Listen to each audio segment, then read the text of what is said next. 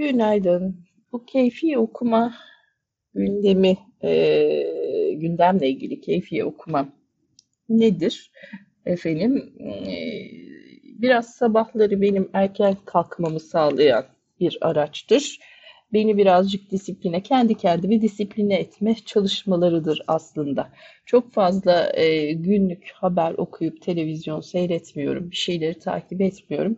O yüzden uzaylı kalmamak için e, bana gönderilen derli toplu birkaç mail var. E, Aposto'nun gönderdiği, işte piyasalarla ilgili Ak Yatırım, e, TEB'in gönderdiği böyle birkaç tane derli toplu mailden haber başlıklarını, gündemleri e, kendim için e, daha eğlenceli bir şekilde takip etmeye çalışıyorum ki e, dünyadan da çok fazla kopup buharlaşmayayım diye.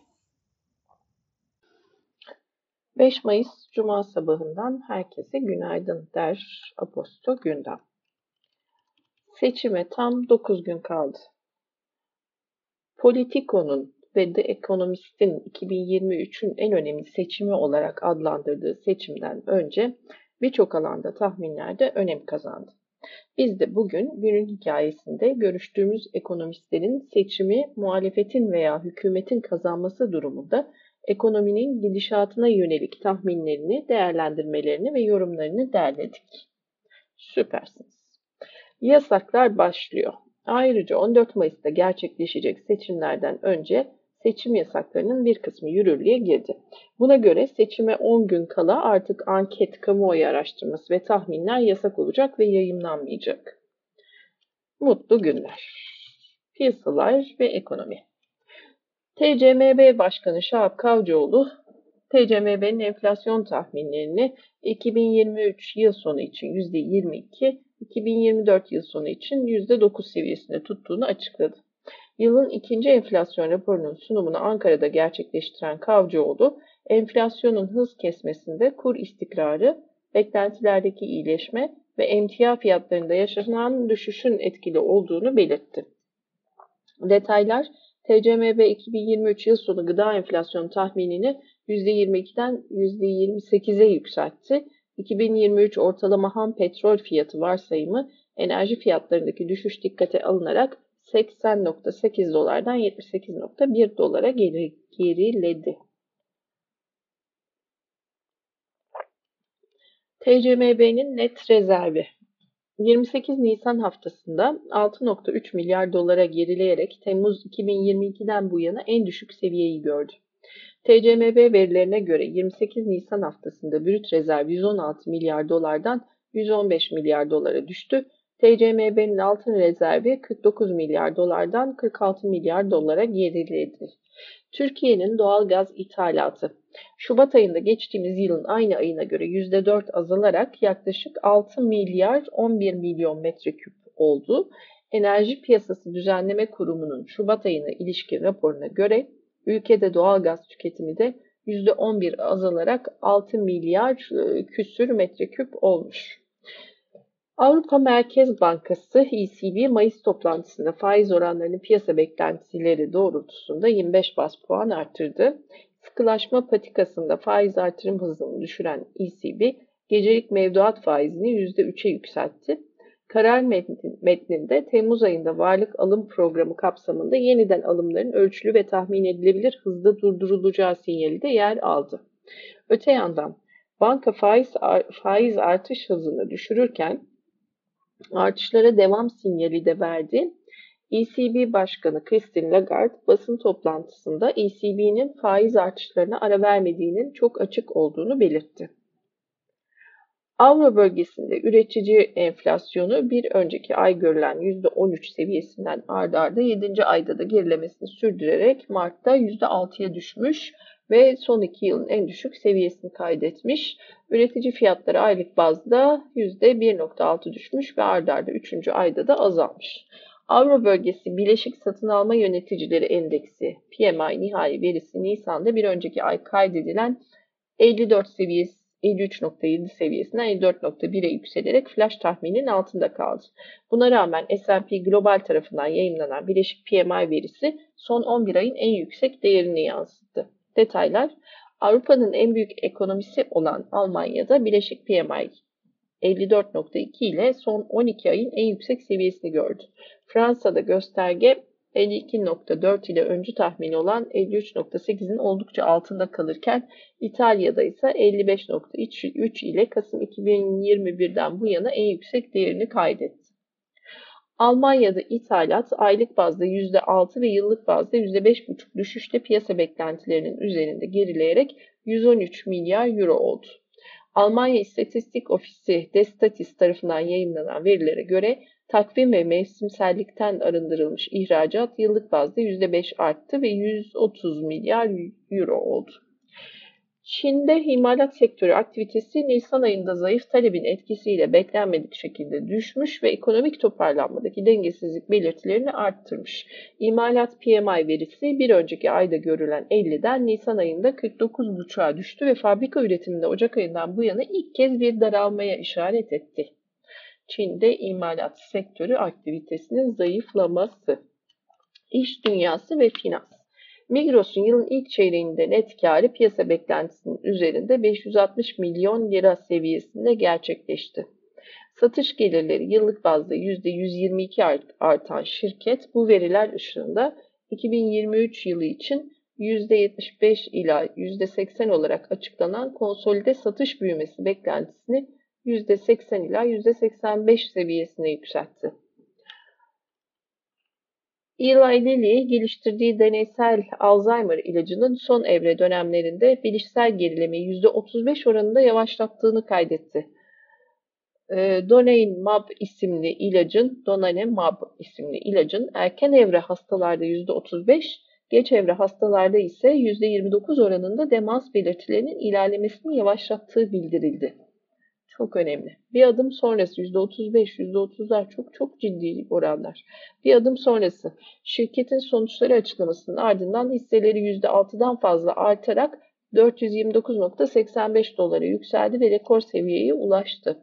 Bir adım geriden farmakoloji şirketi geçtiğimiz hafta yatırımcılarına yaptığı bir diğer açıklamada tip 2 diyabet tedavisi için onaylanan ilacının faz 3 çalışmalarında olumlu sonuç aldığını bildirmiştir.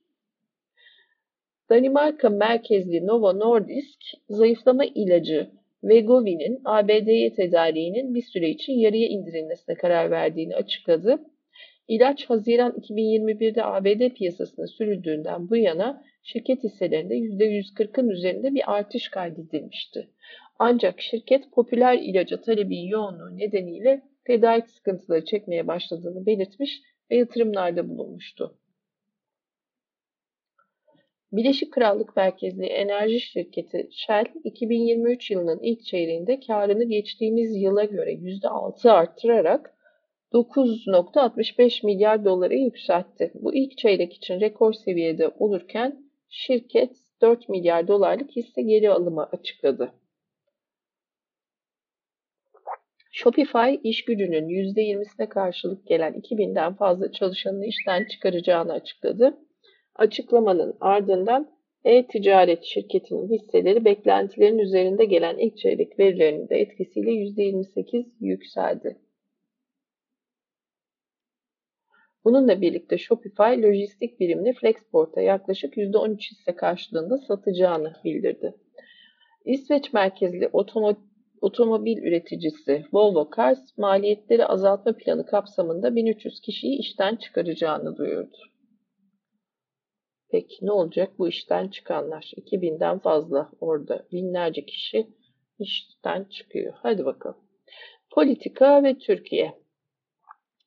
Ee, şey çok güzeldi bu arada bir cümle gördüm. Ee, sizi diyor yapay zekalar işinizden etmiyor. Yapay zekayı kullananlar işinizden ediyor. Evet, yapay zekayı kullananlar nedeniyle işsiz kalıyorsunuz. Yapay zekalar nedeniyle değil diyordu. Politika ve Türkiye AK Parti seçim işlerinden sorumlu Genel Başkan Yardımcısı Ali İhsan Yavuz, Kahramanmaraş merkezli depremler sonrasında ilan edilen o halin 9 Mayıs'ta sonlandırılacağını açıklamış. Cumhurbaşkanı Erdoğan Giresun'daki mitinginde şunları demiş. Ben biliyorum evelallah sizler ne soğana ne patatese liderinizi kurban etmezsiniz. 14 Mayıs'ta sadece sizin oy kullanmanız yeterli değil. En az bir komşunuzu, eşinizi, dostunuzu sandığa götürerek bize ve Cumhur İttifakı'na oy vermenizi, vermesini sağlamanız lazım dedi. Erdoğan Millet İttifakı'nın fındık fiyatının 4 dolar olacağı vaadine ula bu kadar neredeydiniz, niye bugüne kadar vermediniz ifadeleriyle tepki göstermiş.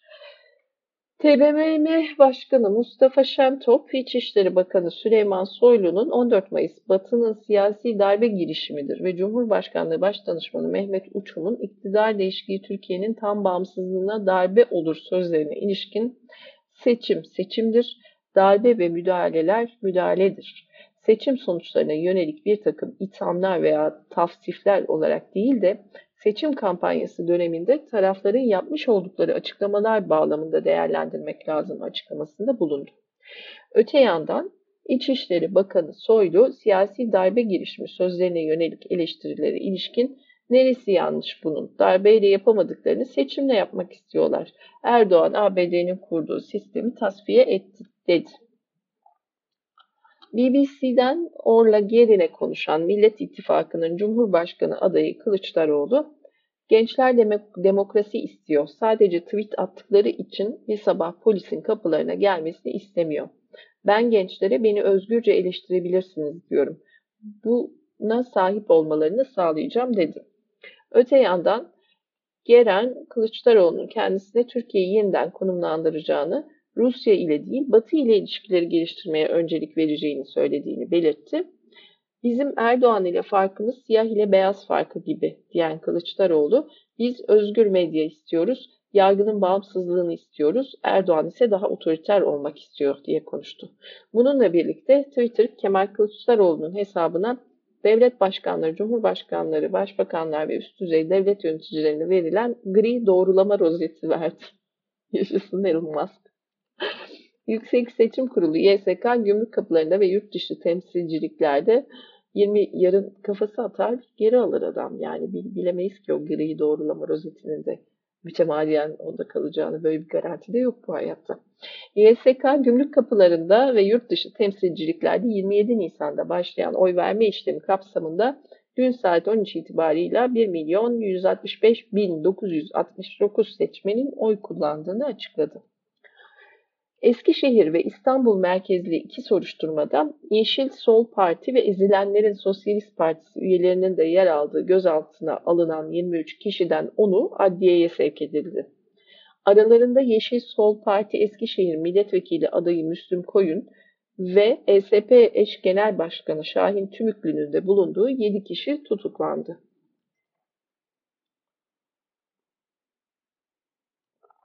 Trabzon'da Hüdapar'ın açtığı standa bir grup tepki gösterdi.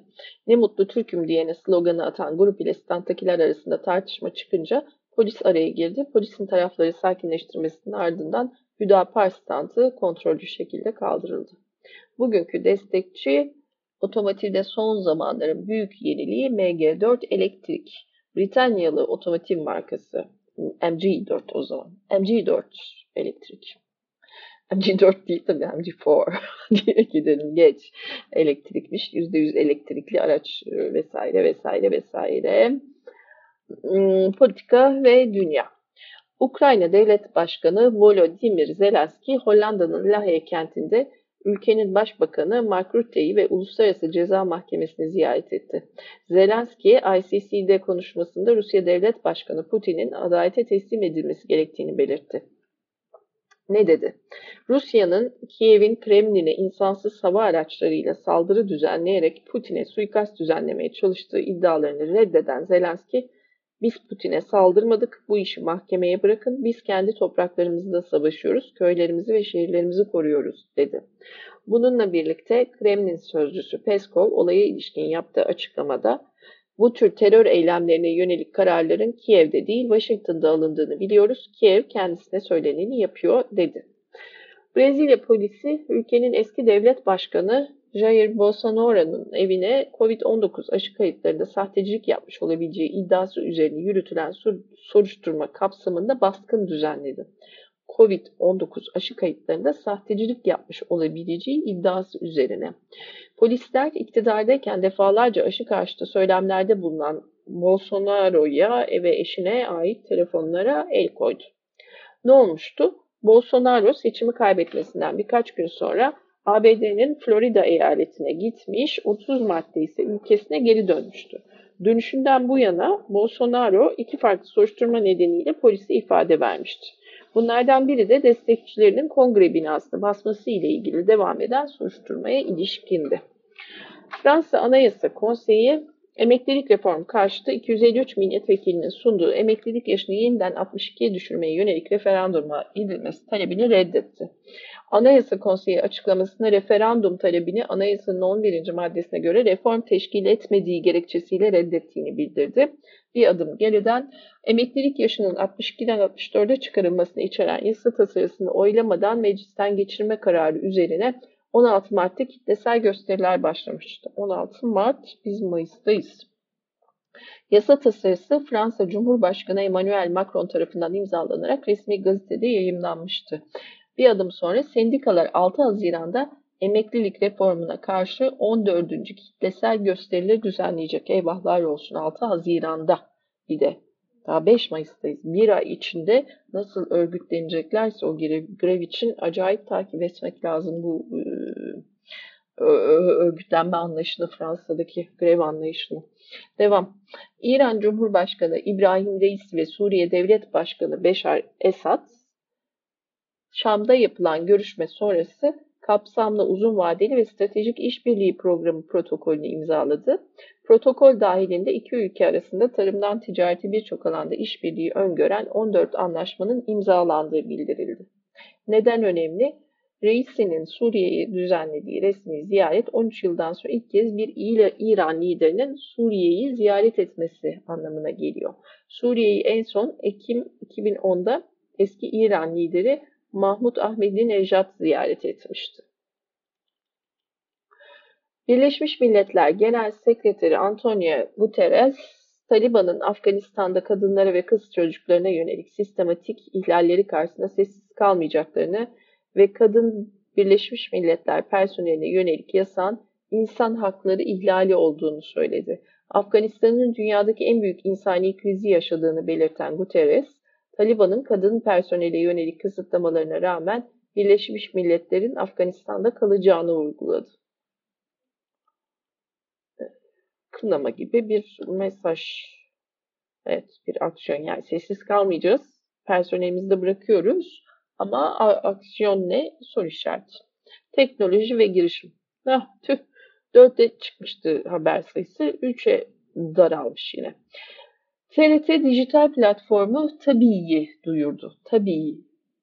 Tabii. Konuya ilişkin açıklamada Tabii'nin yayına 15 bin saate aşan içerikle başlayacağı, platformda birçok farklı türden orijinal dizinin yer alacağı ve arşivinde TRT yapımlarının da bulunacağı aktarıldı.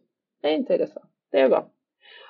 Microsoft girişimcilere 350 bin dolara kadar kredi veren Pegasus kuluçka programını başlattı Pegasus'un ortalama anlaşma büyüklüğü 300 bin doları aşan yüzden fazla girişimi desteklediği belirtiliyor.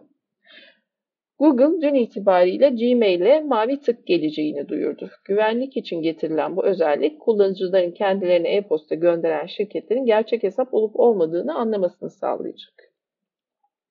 Her tarafımız mavi tık. Günün hikayesi. İttifakların ekonomi, vizyonları, ekonomistler ne diyor? Bu önemli. Emircan Yaman'ın yazısı. Malumunuz 14 Mayıs 2023'te Türkiye Cumhurbaşkanlığı ve milletvekilliği için seçime gidiyor. Cumhur İttifakı'nın adayı Recep Tayyip Erdoğan, Millet İttifakı'nın adayı Kemal Kılıçdaroğlu, Memleket Partisi'nin adayı Muharrem İnce ve Ata İttifakı'nın adayı Sinan Oğan, Cumhurbaşkanlığı için rekabet içinde. Seçimlerde en çok öne çıkan ittifaklardan olan Cumhur ve Millet'in de seçimi kazanmaları durumunda ekonomiye ilişkin bir takım politika anlayışları ve vaatleri mevcut. Cumhur İttifakı ekonomide 2021 yılından bu yana sürdürülmekte olan Türkiye ekonomi modelinin devam ettirilmesini, düşük faiz, yüksek kur politikası ile ihracatta rekabetçilik ve yüksek ekonomik büyüme yakalanmasını vaat ediyor. Millet İttifakı ise sürdürülen genişlemeci politikaların tam aksine ortodoks para politikalarına dönüş ile yüksek faiz, düşük kur politikası uygulanması ve bunun sonucunda yüksek alım gücü, düşük enflasyon ve sürdürülebilir bir yatırım ortamı oluşturulması vaadinde bulunuyor. Vaat edilen politikaların uygulanması durumunda Türkiye ekonomisinin ne yönde ilerleyebileceği ise büyük merak konusu. Biz de bu yazımızda siz okurlarımızın merakını giderebilmek için mevzu bahis politikaların Türkiye ekonomisini ne yönde şekillendirebileceğine dair ekonomistlerin görüşlerine başvurduk. Cumhur İttifakı kazanırsa aynı politika devam eder mi? Aposto'ya, Aposto'ya konuşan Kadir Has Üniversitesi öğretim üyesi Profesör Doktor Erinç Yeldan, Cumhur İttifakı'nın seçimlerden galip çıkması durumunda mevcut parasal genişlemeci ekonomik modeli devam ettirmeye çalışacağını düşündüğünü söyleyerek şu ifadeleri kullandı. Genişleyici politikalar demeti olarak gördüğümüz şey her ne pahasına olursa olsun büyüme, her ne pahasına olursa olsun kredi genişlemesi, her ne pahasına olursa olsun yüzlerce kez mevzuat değişiminden geçen bir rejim. Dolayısıyla ben 14 Mayıs seçimlerinden sonra Cumhur İttifakı'nın ekonomi idaresinin ekonomide herhangi bir programı değil, günü geçirmeye, günü kurtarmaya yönelik mevcut sistemi devam ettirmeye çalışacağını fakat bunun iktisadi açıdan mümkün olmadığını düşünüyorum. Yerdan Cumhur İttifakı'nın mevcut Türkiye ekonomi modelini değiştirmesinin 3-4 senedir neredeydiniz eleştirisini getireceğini ve bu yüzden model değiştirmenin siyaseten mümkün olmadığını fakat modeli sürdürülebilir de bulmadığını ifade etti. Şöyle demiş, ben Cumhur İttifakı'nın Haziran-Temmuz ayına ilişkin bir ekonomik programının olmadığını, olsa bile bunun yürütülemeyeceği görüşündeyim. Öyle zannediyorum ki Mehmet Şimşek gibi bir ismi de bu yüzden bir türlü entegre edemediler. Yerden Millet İttifakı'nı ise seçimlerden galip çıkıp ekonomi idaresini ele almaları durumunda spekülatif sıcak para girişlerine karşı dikkatli olunması konusunda uyararak enflasyona reel döviz kurunun içindeki aşırı dalgalanmalara karşı finansal işlem vergisi, sıcak paraya yönelik zorunlu karşılıklar gibi şeffaf, denetlenebilir piyasa aletleri yoluyla döviz kurunu istikrara kavuşturacak, risk primini aşağı indirecek bir mekanizmanın gerekli olduğunu düşünüyorum diye konuştu. Tekrar, enflasyona reel döviz kurunun içindeki aşırı dalgalanmalara karşı finansal işlem ve vergisi, sıcak paraya yönelik zorunlu karşılıklar gibi şeffaf, denetlenebilir piyasa aletleri yoluyla döviz kurunu istikrara kavuşturacak, risk primini aşağı indirecek bir mekanizmanın gerekli olduğunu düşünüyorum demiş. Türk lirasını birdenbire aşırı değerli hale getirecek ama bunun bedeli olarak da cari işlemler açığını yükseltecek sıcak paraya dayalı finansmanın caydırılması gerektiğini söyleyen Yeldan, Türkiye'ye gelecek yatırımların sabit sermaye yatırımı şeklinde olmasını özendirmek gerektiğini ifade etti.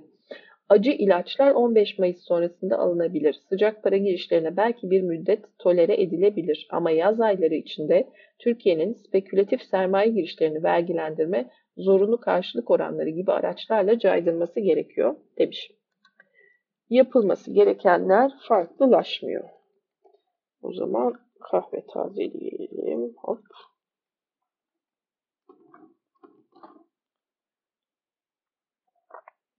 Yapılması gerekenler farklılaşmıyor. Görüş aldığımız İstanbul Üniversitesi öğretim üyesi Profesör Doktor Murat Birdal, ittifakların vaatlerinden ziyade yapabilecekleri üzerinden konuşmak gerektiğini iki ittifak içinde yapılması gerekenlerin çok farklılaşmadığını söyledi. Bir dal, Cumhur İttifakı'nın mevcut ekonomik modeli sürdürme konusunda ise ısrarcı olmayacağı görüşünde şunları demiş. Bence her iki ittifak açısından da yapılması gerekenler çok fazla farklılaşmıyor. Her ikisinin de düşük faiz politikasını hızla terk etmesi gerekiyor. Aksi halde şu anda uygulanan kur sistemi özellikle dış ticaret açısından çok büyük kayıp ortaya çıkartıyor. Dolayısıyla bu ikili kur sisteminin sona erdirilmesi ve nihayetinde kurda istikrarın sağlanması bir öncelik gibi görünüyor.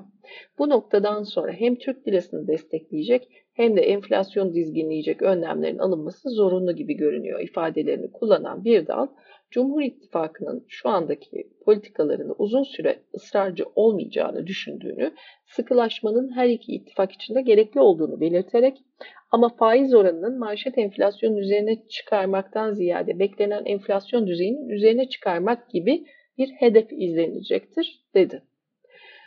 Bir dal e, manşet enflasyonu üzerine çıkarmaktan ziyade beklenen enflasyon düzeyinin üzerine çıkarmak hedefi. Devam. Bir dal iktisadın en temel kurallarından bir tanesi bu kadar yüksek cari açığı sürdürebilmeniz için dışarıdan süreklilik taşıyan bir sermaye girişinin yaşanması lazım. Siz bunu dost ülkeler denilen ülkelerle sağladığınız kaynak girişleriyle sürdürmeye çalışıyorsunuz. Dolayısıyla bu devamlılık oluşturacak bir durum değil. Ana problem de burada zaten. Bu yüzden seçim sonrasında bu politikalardan geri adım atılacağını düşünüyorum dedi. Bir dal Millet İttifakı tarafındaysa Cumhur İttifakı'na kıyasla yapısal değişim konusunda daha net söylemler olduğunu ve bu konuda somut vaatlerde bulunuluyor olmasının umut verici olduğunu ifade etti.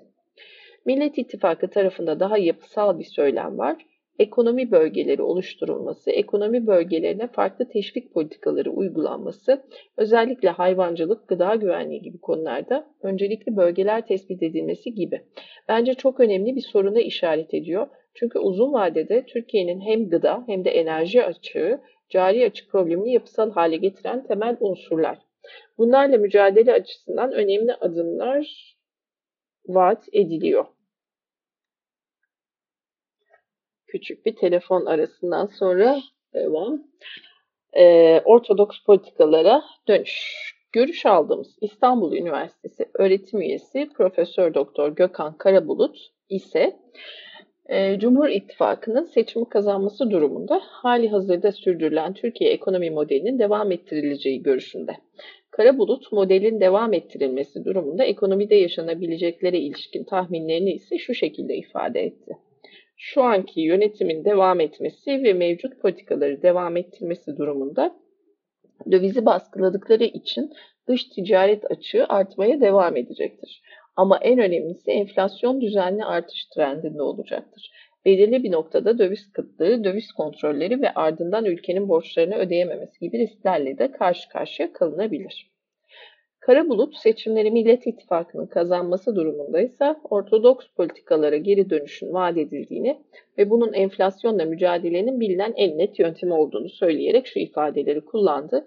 Beyan edilen net olarak ortodoks politikalara geri dönüş, bu politikalar enflasyonun bugüne kadarki denenmiş ve bilinen en net çaresi ortodoks politikalar dediğimiz faiz aracını kullanıp para arzını kısmak, bütçe açığını kapatmaya yönelik tasarruflar yapmak, ücreti baskılamak ve bu yöntemlerle talebi baskılayarak enflasyonu düşürmek.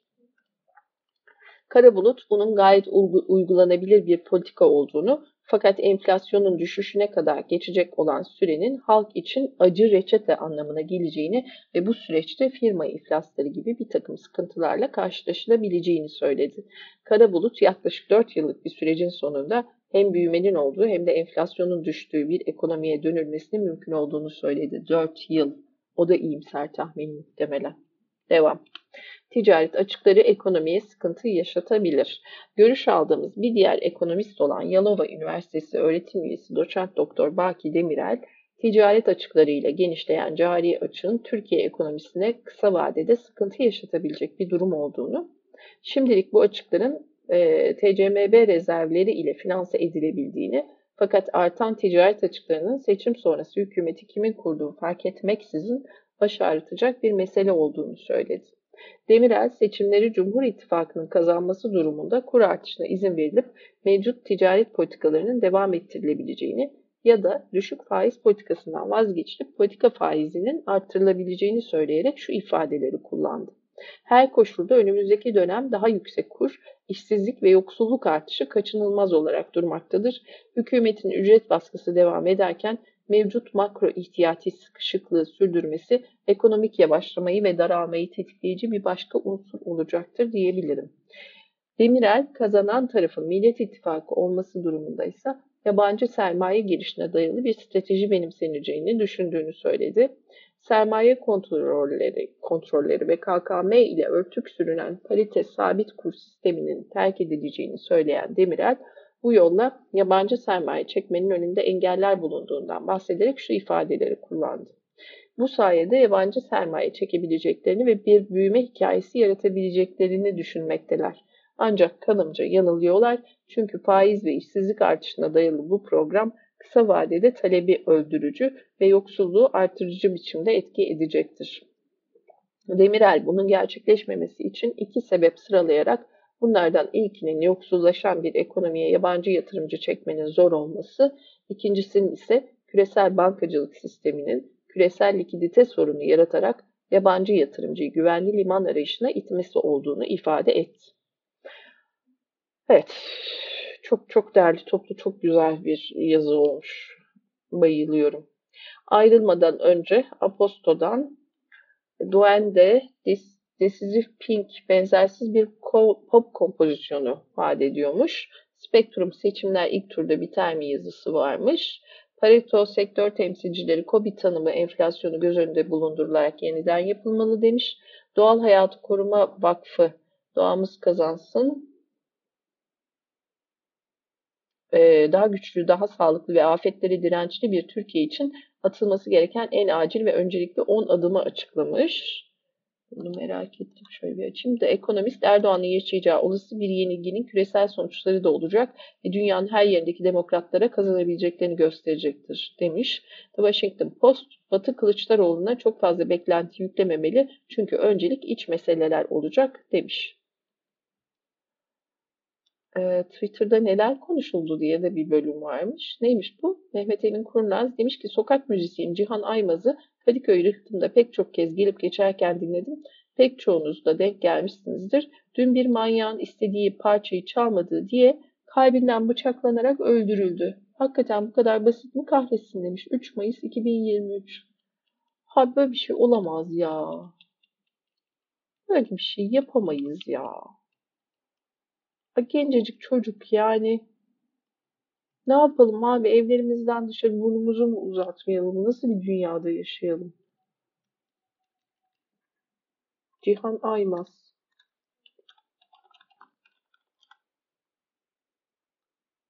Ah gerçekten ya. İstek parçayı çalmadı diye bıçaklanarak öldürülmüş.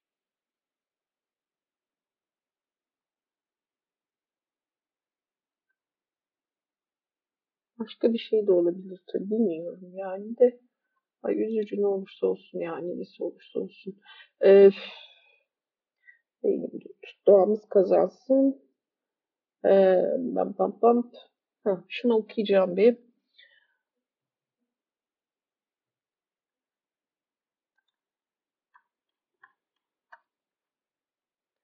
Doğal Hayatı Koruma Vakfı bugün yapacağımız her seçim işimizin, aşımızın olduğu kadar havamızın, suyumuzun, toprağımızın kaderini de belirleyecek. Biz e, Türkiye Doğal Hayatı Koruma Vakfı olarak karar alıcılardan daha güçlü, sağlıklı ve afetleri dirençli bir Türkiye için atılması gereken en acil ve öncelikli 10 adımın hayata geçirilmesini talep ediyoruz. 1. İklim kriziyle mücadele için sera gazı emisyonlarının bugünden itibaren 2030'a kadar en az %35 oranında azaltılması, 2. Orman alanlarında maden, turizm, yapılaşma gibi amaç dışı alan tahsisine ve aşırı ağaç kesimine son verilmesi, 3. Karadeniz ve tatlı su ekosistemlerinde korunan alanlarımızın 2030'a kadar %30'a çıkarılması, yine bir küçük telefonla bölündüm. Devam. 4. E, tüm kıyılarımızda gırgır avcılığı için avlanma derinliğinin minimum 50 metreye çıkarılması ve balıkların göç yolu İstanbul Boğazı'nın 2025'e kadar gırgır balıkçılığına tamamen kapatılması. 5. Doğa ve insanın sağlığı, çiftçinin refahı için 2030'a kadar tarım alanlarının en az %25'inde onarıcı tarım yapılması. 6 kuraklık ve iklim kriziyle mücadele ile su kaynaklarının korunması ve sürdürülebilir kullanımı için su kanunu taslağının bir an önce yasalaşması su kanunu. 7. 2030'a kadar doğaya karışan plastiğin sıfırlanması. 8. Doğanın ve çevrenin korunması ile ilgili yasal düzenlemelerin etkin uygulanması, denetimlerin sıkılaştırılarak ihalelere sıfır tolerans gösterilmesi. 9. Tüm süreçlerin katılımcı, şeffaf, özellikle dezavantajlı grupları kapsayacak şekilde yürütülmesi ve değişimden etkilenecek tüm kesimlerin mağduriyetlerini giderecek adil dönüşümün gözetilmesi. 10. Üretime yönelik tüm teşvik ve fonların temiz üretimi, doğa dostu teknolojileri ve karbonsuzlaşmayı destekleyecek şekilde kirleten yöntemlerden sürdürülebilir ve döngüsel üretime yönlendirilmesi. Şahane. Evet. Şimdi azıcık telefonlardan bölündüm ve koptum tabii. Exante'ye bakacağım hızlıca. ECB'den sürpriz yok. 5 Mayıs Cuma sabahından herkese günaydın der Exante. ECB ana faiz oranları beklentileri paralel. Tamam bunu ikinci enflasyon raporu yayınlandı falan filan. Bunu geçiyorum. Bankacılık. Nur topu gibi bir PEC West krizi. ABD'de e, SVB, Signature Bank ve First Republic Bank'ın iflasının ardından bölgesel bankalar üzerinde hakim olan finansal panik durumu devam ediyor. Dün ABD'de yerel bir banka olan PacWest Bancorp'un hisseleri %50'den fazla değer kaybederek 4 doların altına geriledi. Yılbaşından bu yana toplam düşüş ise %85'i aştı. Cep bilgisi yılbaşında 22.60 dolar değerinden işlem gören PacWest hisseleri şu sıralarda 3-3,5 dolar seviyelerinden işlem görüyor paranın pula dönüşü. Hisse değerinde kaydedilen düşüş Bloomberg'in bankaya ilişkin bir haberinin ardından başladı. Bloomberg'in bankayı yakın kaynaklara dayandırdığı habere göre PacWest, Kaliforniya merkezli bankaların iflasının ardından ağır hasara uğramış ve bankanın satışı da dahil olmak üzere bir takım stratejik seçenekleri değerlendirmeye başlamıştı. Öte yandan PacWest'in yanı sıra yine yerel bir banka olan Western Alliance hisseleri de Financial Times tarafından bankanın satışı değerlendirdiği konusunda yaptığı haberin ardından %35'ten fazla değer kaybetti. Acayip bir habere karşı sansibilite var tabii şu anda. Banka haberi yalanladı ve gazeteye karşı yasal seçeneklerini değerlendireceğini ilan etti. Ne ne fayda yani e, haber yalansa mesela %35'ten fazla değer gitti mi? Gitti. Bunun yanı sıra Western Alliance yatırımcıların güvenini kazanmak için bankacılık sektörünü sarsan kriz sırasında olağan dışı mevduat çıkışları yaşamadığını belirterek mevduatlarının yılın birinci çeyreğinde 1.2 milyar dolar artışla 48.8 milyar dolara yükseldiğini ifade etmiş. Piyasa reel efektif kur hafif düştü. TCMB Nisan ayına ilişkin reel efektif döviz kuru setini, veri setini yayınladı. Veri setine göre tüfe bazlı gösterge 59.4'ten 58.9'a geriledi. Veriyle birlikte gösterge Aralık ayından bu yana ilk kez düşüş kaydetti. Üfe bazlı reel efektif kur ise Nisan ayında 90.1 olarak gerçekleşti. Endeks Ocak ayından bu yana 90'ın üzerindeki seyrini sürdürüyor. Cep bilgisi. Reel efektif döviz kuru hesaplamasında arındırma bileşeni olarak tüfe, üfe ve birim iş gücü maliyeti verileri kullanılıyor. Endekste eşik değer 100 ve bu değerin altı değersiz, üstü ise değerli para birimi olarak yorumlanıyor. Yani 100'ün üzerindeki her değer TL'nin hedef yabancı para sepetine karşı değerli olduğu anlamına geliyor. Neden önemli? Reel efektif döviz kuru endeksindeki yükseliş TL'nin seçili döviz sepeti karşısında enflasyondan daha düşük miktarda değer kaybettiği anlamına geliyor. Reel olarak değerlenen para birimi ise teorik olarak ihracat kapasitesinin artırılması politikasıyla ters düşüyor. Enflasyonist dönemlerde yatay seyreden kur politikasının ihracatçılar tarafından desteklenmemesinin altında yatan sebep de bu. Hatırlatma dozu manşet değer olarak kabul edilen tüfe bazlı reel efektif döviz kuru 2021 yılının Kasım ayından bu yana 60'lı bir değer görmedi. Endekste tarihi dip seviye Kasım 2021'de kaydedilen 47.7 olurken zaman serisinin başından bu yana endeksin ortalama değeri 94.5 seviyesinde bulunuyor. TCMB Para Banka Portföy. TCMB'nin döviz rezervinde düşüş sürüyor. Cep bilgisini okuyacağım. TCMB her perşembe yayınladığı haftalık para banka ile menkul kıymet istatistikleri verisini bugün yayınlayacak. E, fiyatlar ve enflasyon. TCMB'den ikinci enflasyon raporu. E, geçiyorum. Öbür tarafta özetini okuduğum için Kavcıoğlu'nun açıklamaları e, TCMB Başkanı Şahap Kavcıoğlu enflasyon raporu sunumunun ardından konuşmasını yaptı. Kavcıoğlu konuşmasında enflasyon üzerindeki maliyet baskıları son dönemde büyük ölçüde ortadan kalkmıştır. Türk bankacılık sektörü uyguladığımız bütüncül stratejinin desteğiyle güvenli ve sağlam görünü, görünümünü sürdürmektedir ifadelerini kullandı. 2023 yılının geri kalanı cari dengelenmenin güçlendiği bir dönem olacaktır Enerji fiyatları ve altın ithalatındaki normalleşmeye ek olarak küresel talepteki toparlanmanın sürmesinin ihracat üzerindeki etkileriyle birlikte dış ticaret dengesinde yıllık bazda iyileşme beklenmektedir. Turizm gelirlerinin güçlü seyri sonucunda yılın ikinci yarısında cari dengenin korunacağını öngörüyoruz. Buna ek olarak mevcut değerlendirmelerimize göre yüksek teknoloji, enerji, yeraltı zenginlikleri ve turizmin kapasitesini arttırmaya yönelik yatırımlarımızın geri dönüşüyle birlikte 2030 yılına kadarki süreçte cari dengeye birikimli olarak yaklaşık 289 milyar dolar katkı sağlanacağı tahmin edilmektedir. Yaşasın en büyük ümidimiz turizm. Şahap Kavcıoğlu konuşmasının ardından basın mensuplarından gelen soruları da yanıtladı. İkili kur iddialı depremi nasıl yönetecekler deprem algısını turizmde bakalım. İkili kur iddialarına ilişkin cevap veren Kavcıoğlu kurlar arasındaki makas iki farklı kur haberleriyle vatandaşa yazık ediyorlar. Ben bütün vatandaşlarımızdan bu tür haberlere, bu tür Twitter ekonomistlere, Twitter gazetecilerine itibar etmemelerini nasıl yahu TCMB güçlüdür, rezervleri güçlüdür, politikalarında sonuç alınmaya başlanmıştır ifadelerini kullandı sanki yalan. Cep bilgisi TCMB net rezervleri 28 Nisan'ın sona eren haftada 6 milyar dolar gerileyerek 2022 Temmuz'dan bu yana en düşük seviyesini kaydetmiş. Kavcıoğlu ayrıca hiçbir yerden para aramaya gerek yok. 2030'a kadar en az 500 milyar doların üzerinde yatırımlardan Türkiye bütçesine girecek, cari dengesini sağlayacak para var. Bunlar hayal değil, yapacaklarımız değil, yaptıklarımız şu an uygulamaya girenler. Buna güvensinler, bunlar hayal değil. Yatırımlar bitmiş, uygulanmaya başlanmış. Doğalgazı vatandaşlarımız şu an evinde kullanıyor. Türkiye, Türkiye sonucu almıştır. Peki. Para politikaları Heckşer'in yazısı bunu okuyacağım. Avrupa Merkez Bankası'ndan beklenen karar. Avrupa Merkez Bankası Fed'in faiz kararını takip eden günde yaptığı para politikası kurulu toplantısında politika faizini piyasa beklentilerine paralel olarak 25 bas puan daha arttırdı. Kararla birlikte bölgede gecelik mevduat faizi %3.25, Politika faizi ise %3.75'e yükseldi.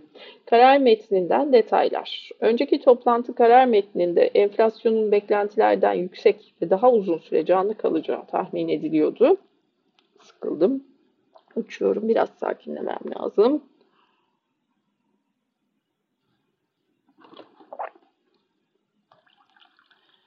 Dün yayınlanan metinde ise bu ifade tahmin olmaktan çıkarılarak mevcut baz olarak kabul edilmiş durumda.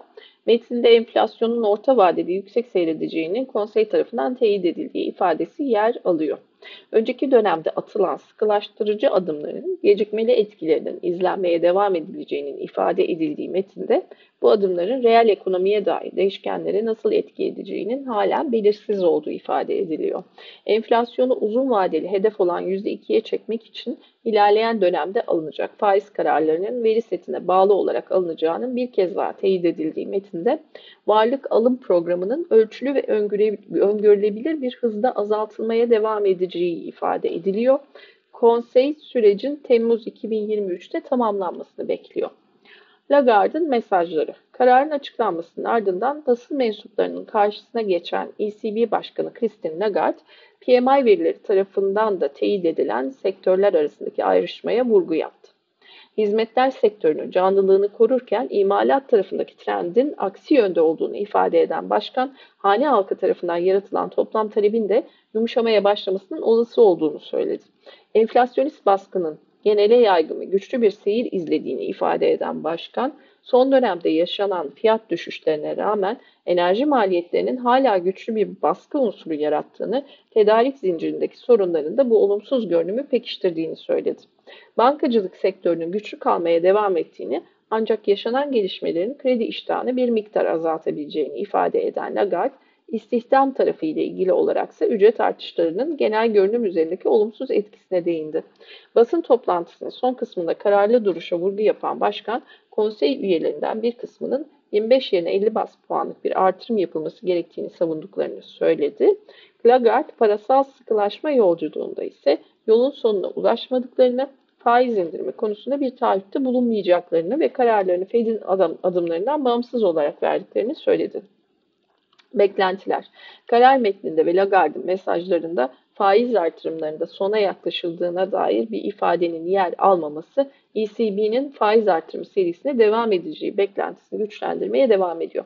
FED tarafında duracağız, gözlemleyeceğiz mesajı geldi. ECB tarafında devam edeceğiz faiz arttırımına diyor.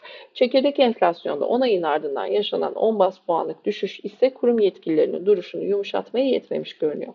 Öte yandan bankacılık kaynaklı karmaşanın Avrupa'da ABD'den daha az hissedilmesinin de bu sıkı duruşun korunmasında etkisi olduğu aşikar. Sonuç olarak kurumun politika faizini en az iki toplantıda daha 25'er bas puan arttırması yönündeki senaryo geçerliliğini koruyor.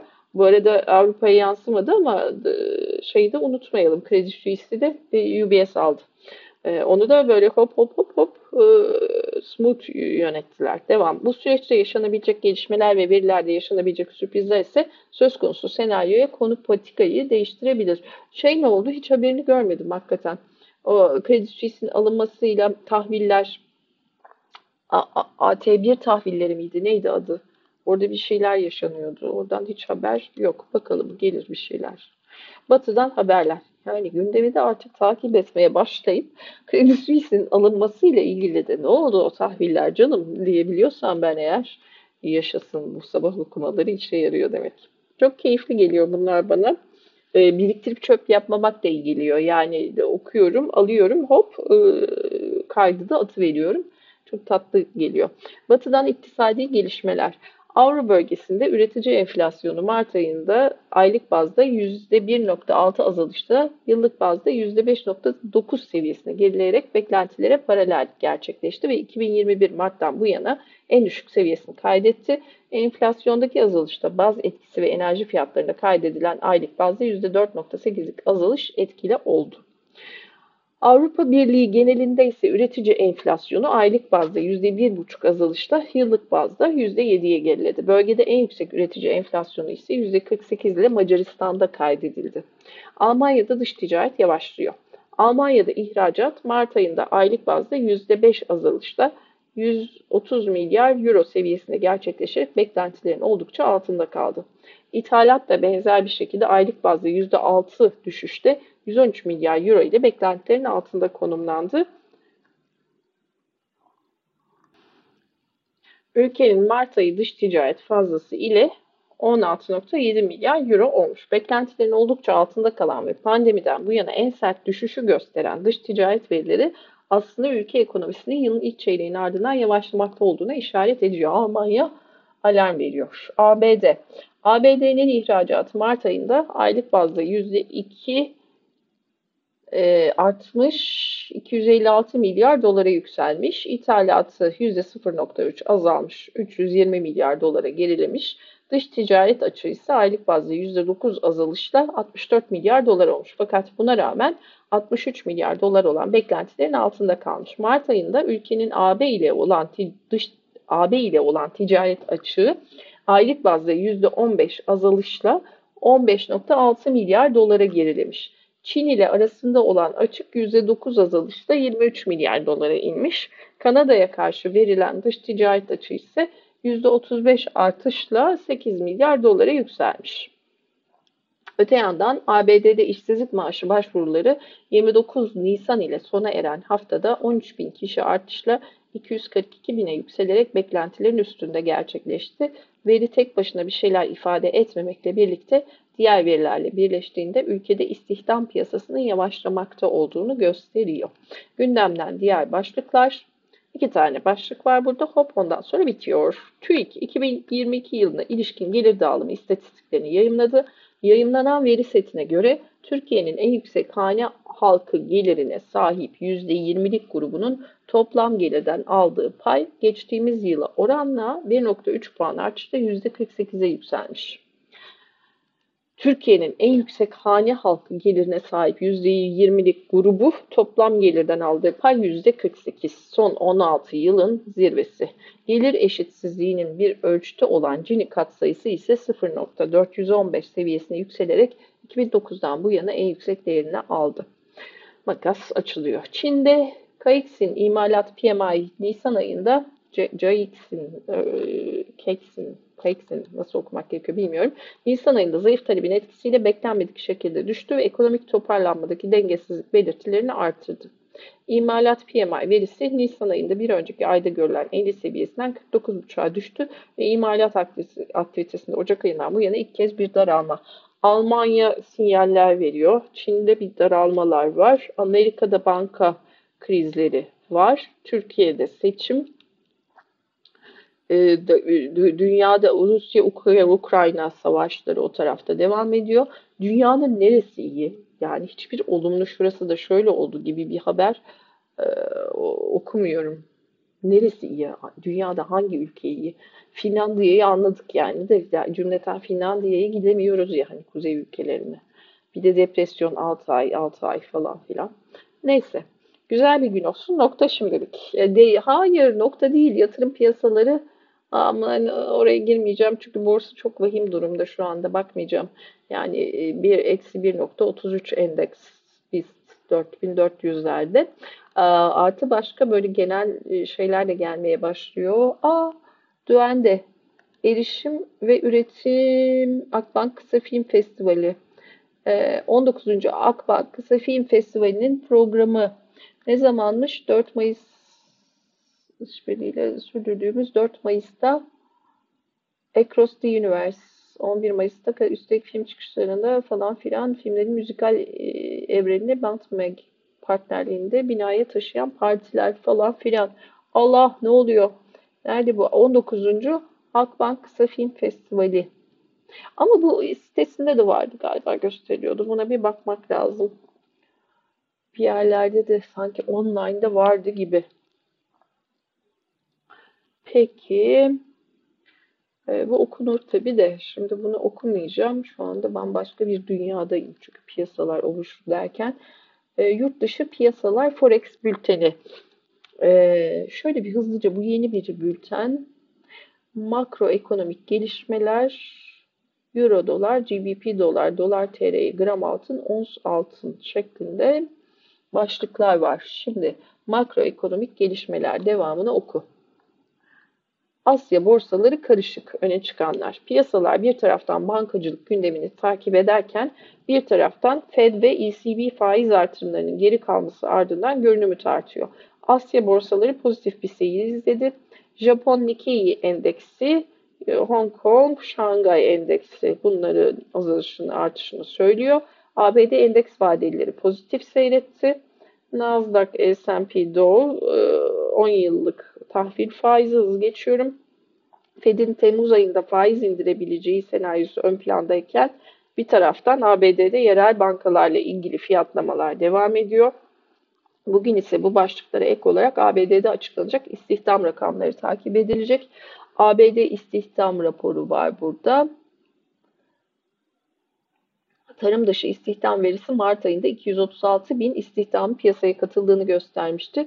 Aralık 2020'den bu yana en düşük olan bu rakam önceki iki ay grevden dönüşler, hava koşulları ve sezonluk faktörler gibi geçici nedenlerle oluşan güçlü artışlar sonrasında gelmiş. İstihdamda soğumayı işaret eden diğer verileri desteklemişti. Piyasa beklentisi artan faiz ortamı ile birlikte istihdamın Nisan ayında 200 binin de altında artmış olabileceği yönünde. Geçiyorum. Günün önemli takvim verileri var. Ee, bam, bam, bam, İsviçre Merkez Bankası'nın başkanı konuşacakmış. Ee, peki burası böyle. Öbür tarafta Euro dolarda mesela Euro dolar direnç destek dirençleri vermiş. Haftanın son işlem gününde dolar endeksinin kısa vadede geri çekilmesi Euro dolar paritesinin yukarı yönlü hareket etmesine destek verdi. E, rıp rıp rıp bunlara bakacağım. Gün içerisinde ABD işsizlik oranı, ortalama saatlik kazançlar ve tarım dışı istihdam değişimi parite üzerinde olası etkilerinden dolayı takip edilebilir.